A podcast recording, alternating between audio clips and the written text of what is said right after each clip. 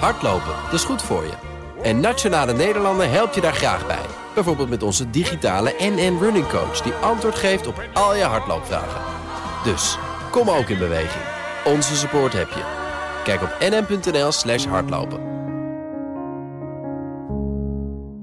Dit is de Oekraïne Ochtend Update. Mijn naam is Geert-Jan Haan. En ik ben Bernard Hammelburg. We praten hierbij over de laatste ontwikkelingen in Oekraïne. En de gevolgen voor en de reacties van de buitenwereld. Je vindt deze podcast in je favoriete podcast-app. Eh, de Russische president Poetin wil een gedeeltelijke mobilisatie eh, in verband met de oorlog in Oekraïne. Dat zei hij zojuist in een toespraak. Het is voor het eerst sinds het begin van de Russische oorlog in Oekraïne dat Poetin het land toespreekt. Het volgende Оно в полной мере адекватно угрозам, с которыми мы сталкиваемся. А именно для защиты нашей Родины, ее суверенитета и территориальной целостности, для обеспечения безопасности нашего народа и людей на освобожденных территориях. Contact nu met Europa-verslaggever Geert-Jan Haan en uh, Jeroen Ketting, al 28 jaar ondernemer in Rusland, onder meer bekend als oprichter van de Lighthouse Group. Geert-Jan, mag ik bij jou beginnen?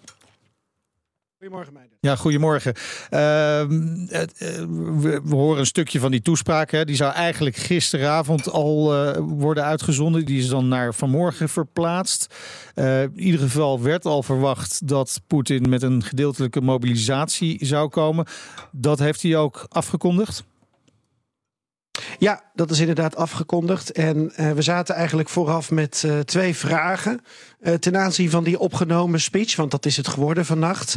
Eén, mm -hmm. komt er inderdaad een gedeeltelijke mobilisatie? Um, en uh, daarmee ook een vervolg eigenlijk op de bezette gebieden uh, in Oekraïne. Gebieden die Rusland bezet en waar ze eigenlijk garant voor willen staan. En Poetin zegt ook, we hebben een frontlinie van, ik geloof dat hij zei, meer dan duizend kilometer te verdedigen. Ja. ja, we hebben mensen nodig, ook vanwege de dreiging nu vanuit het Westen. En dat brengt me bij punt twee, waar we op wilden gaan letten bij deze toespraak.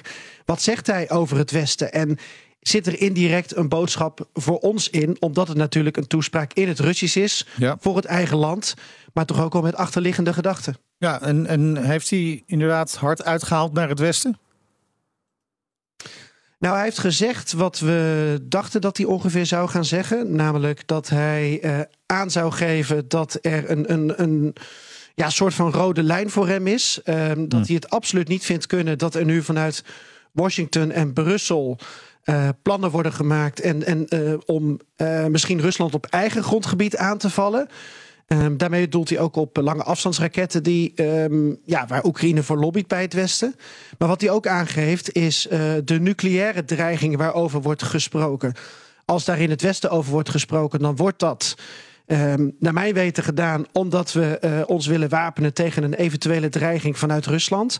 Maar Poetin draait dat om en die zegt van ja, uh, ik bluff niet als jullie praten over een nucleaire dreiging en dat jullie dat uh, mogen gebruiken. Ja, dan mag ik dat ook. En mag ik jullie eraan herinneren dat wij ook wapens hebben met modernere componenten dan de NAVO-wapens als we ons land moeten verdedigen en onze mensen dan zet ik in wat we moeten doen en ik bluff niet. En dat was nee. dus deels een boodschap voor Rusland, voor de geruststelling, maar deels ook naar ons toe, back off. Ja, en, en die, die mobilisatie, hè? want lang werd gezegd, nou, dat, dat wil Poetin eigenlijk niet, die mobilisatie, want dat zou intern niet het goede verhaal zijn hè, voor de steun van de Russische bevolking. Bovendien, het was een speciale militaire operatie, geen oorlog.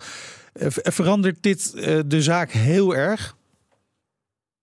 Als in op het slagveld? Nou ja, bijvoorbeeld, maar ook voor binnen uh, in, in Rusland zelf. Voor de steun voor, nou, voor het... de militaire operatie. Ja, als ik het goed heb begrepen, maar misschien dat Jeroen uh, dat stukje net iets beter heeft gehoord. Als ik het goed heb begrepen, uh, gaat het bij een gedeeltelijke mobilisatie over met name dan de grensregio's waar mensen uh, uit kunnen worden gehaald. Denk aan uh, Rostov of Belgorod. Maar heel expliciet gaf Poetin dat volgens mij niet aan. Maar wellicht dat ik dat stukje net gemist heb. Ik weet niet of Jeroen iets meer heeft gehoord. Ja, Jeroen Ketting. Ja, goedemorgen. Goedemorgen. Ja, hij had het over mobilisatie van de, van de, van de reserves. Hè? Dus dat kan eigenlijk overal ja. uh, gebeuren. Hij zou instructies geven aan, aan inderdaad de gouverneurs van alle regio's.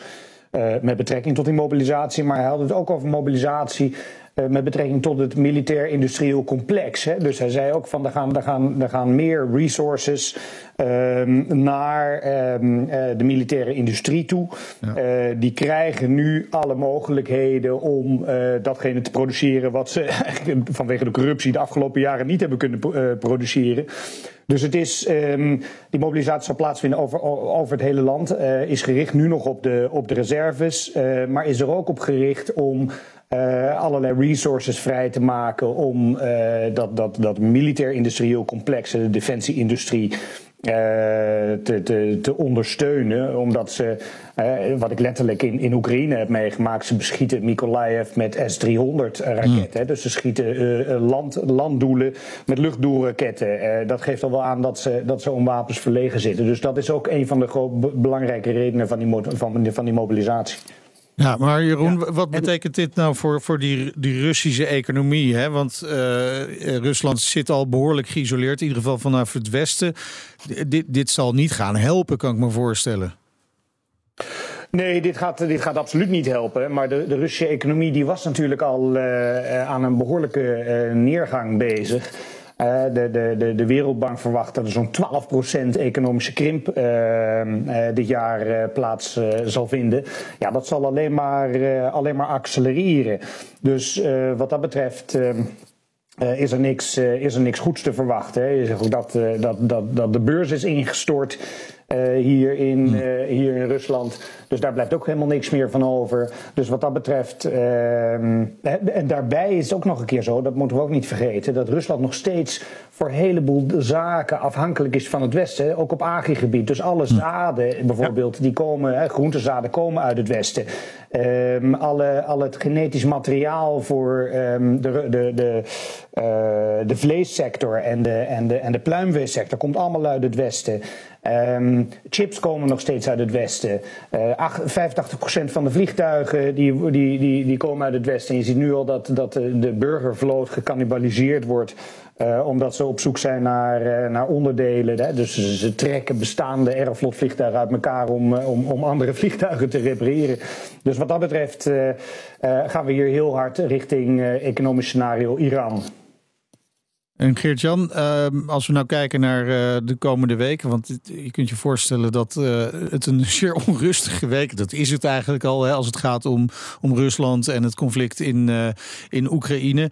Ja. Wat, wat, zie jij gebeuren de komende tijd?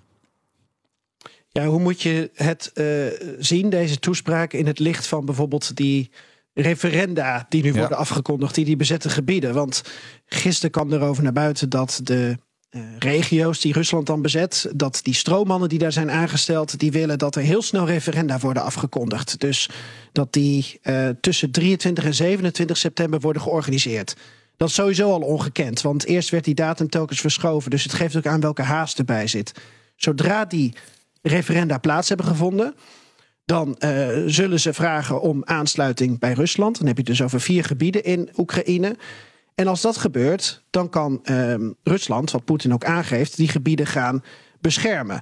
Um, dan kan die aangeven dat elke aanval op zo'n Oekraïns gebied, wat hij dan als Russisch beschouwt, dat dat een aanval is op Russisch land. En uh, ja, dat geeft natuurlijk te denken over hoe moeten we daarmee omgaan nu. Hoe moeten we omgaan met dat scenario dat er over een week een Oekraïns leger is dat in feite eigen land probeert te bevrijden, maar waarvan Rusland claimt dat dat nu hun land is. Nou, en daarvan zag je gisteravond al de eerste reacties, namelijk Oekraïne, maar ook de VS, de VK, de NAVO, eh, Frankrijk. Die gaven aan, we blijven Oekraïne steunen, ook met wapenleveranties. Dat betekent wel dat het dus ja, een, een steeds onduidelijkere situatie wordt over waar we naartoe gaan. Um, maar wat uh, Jeroen ook aangeeft, ja, Poetin heeft ook gisteren overleg gehad met het hele uh, militair-industrieel complex in Rusland. Dat is momenteel een soort ja, lappendeken dat met allemaal pleisters aan elkaar moet worden gehouden.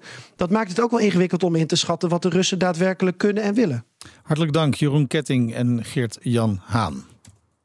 Business Booster. Hey ondernemer, KPN heeft nu Business Boosters. Deals die jouw bedrijf echt vooruit helpen. Zoals nu, zakelijk tv en internet, inclusief narrowcasting... de eerste 9 maanden voor maar 30 euro per maand. Beleef het EK samen met je klanten in de hoogste kwaliteit.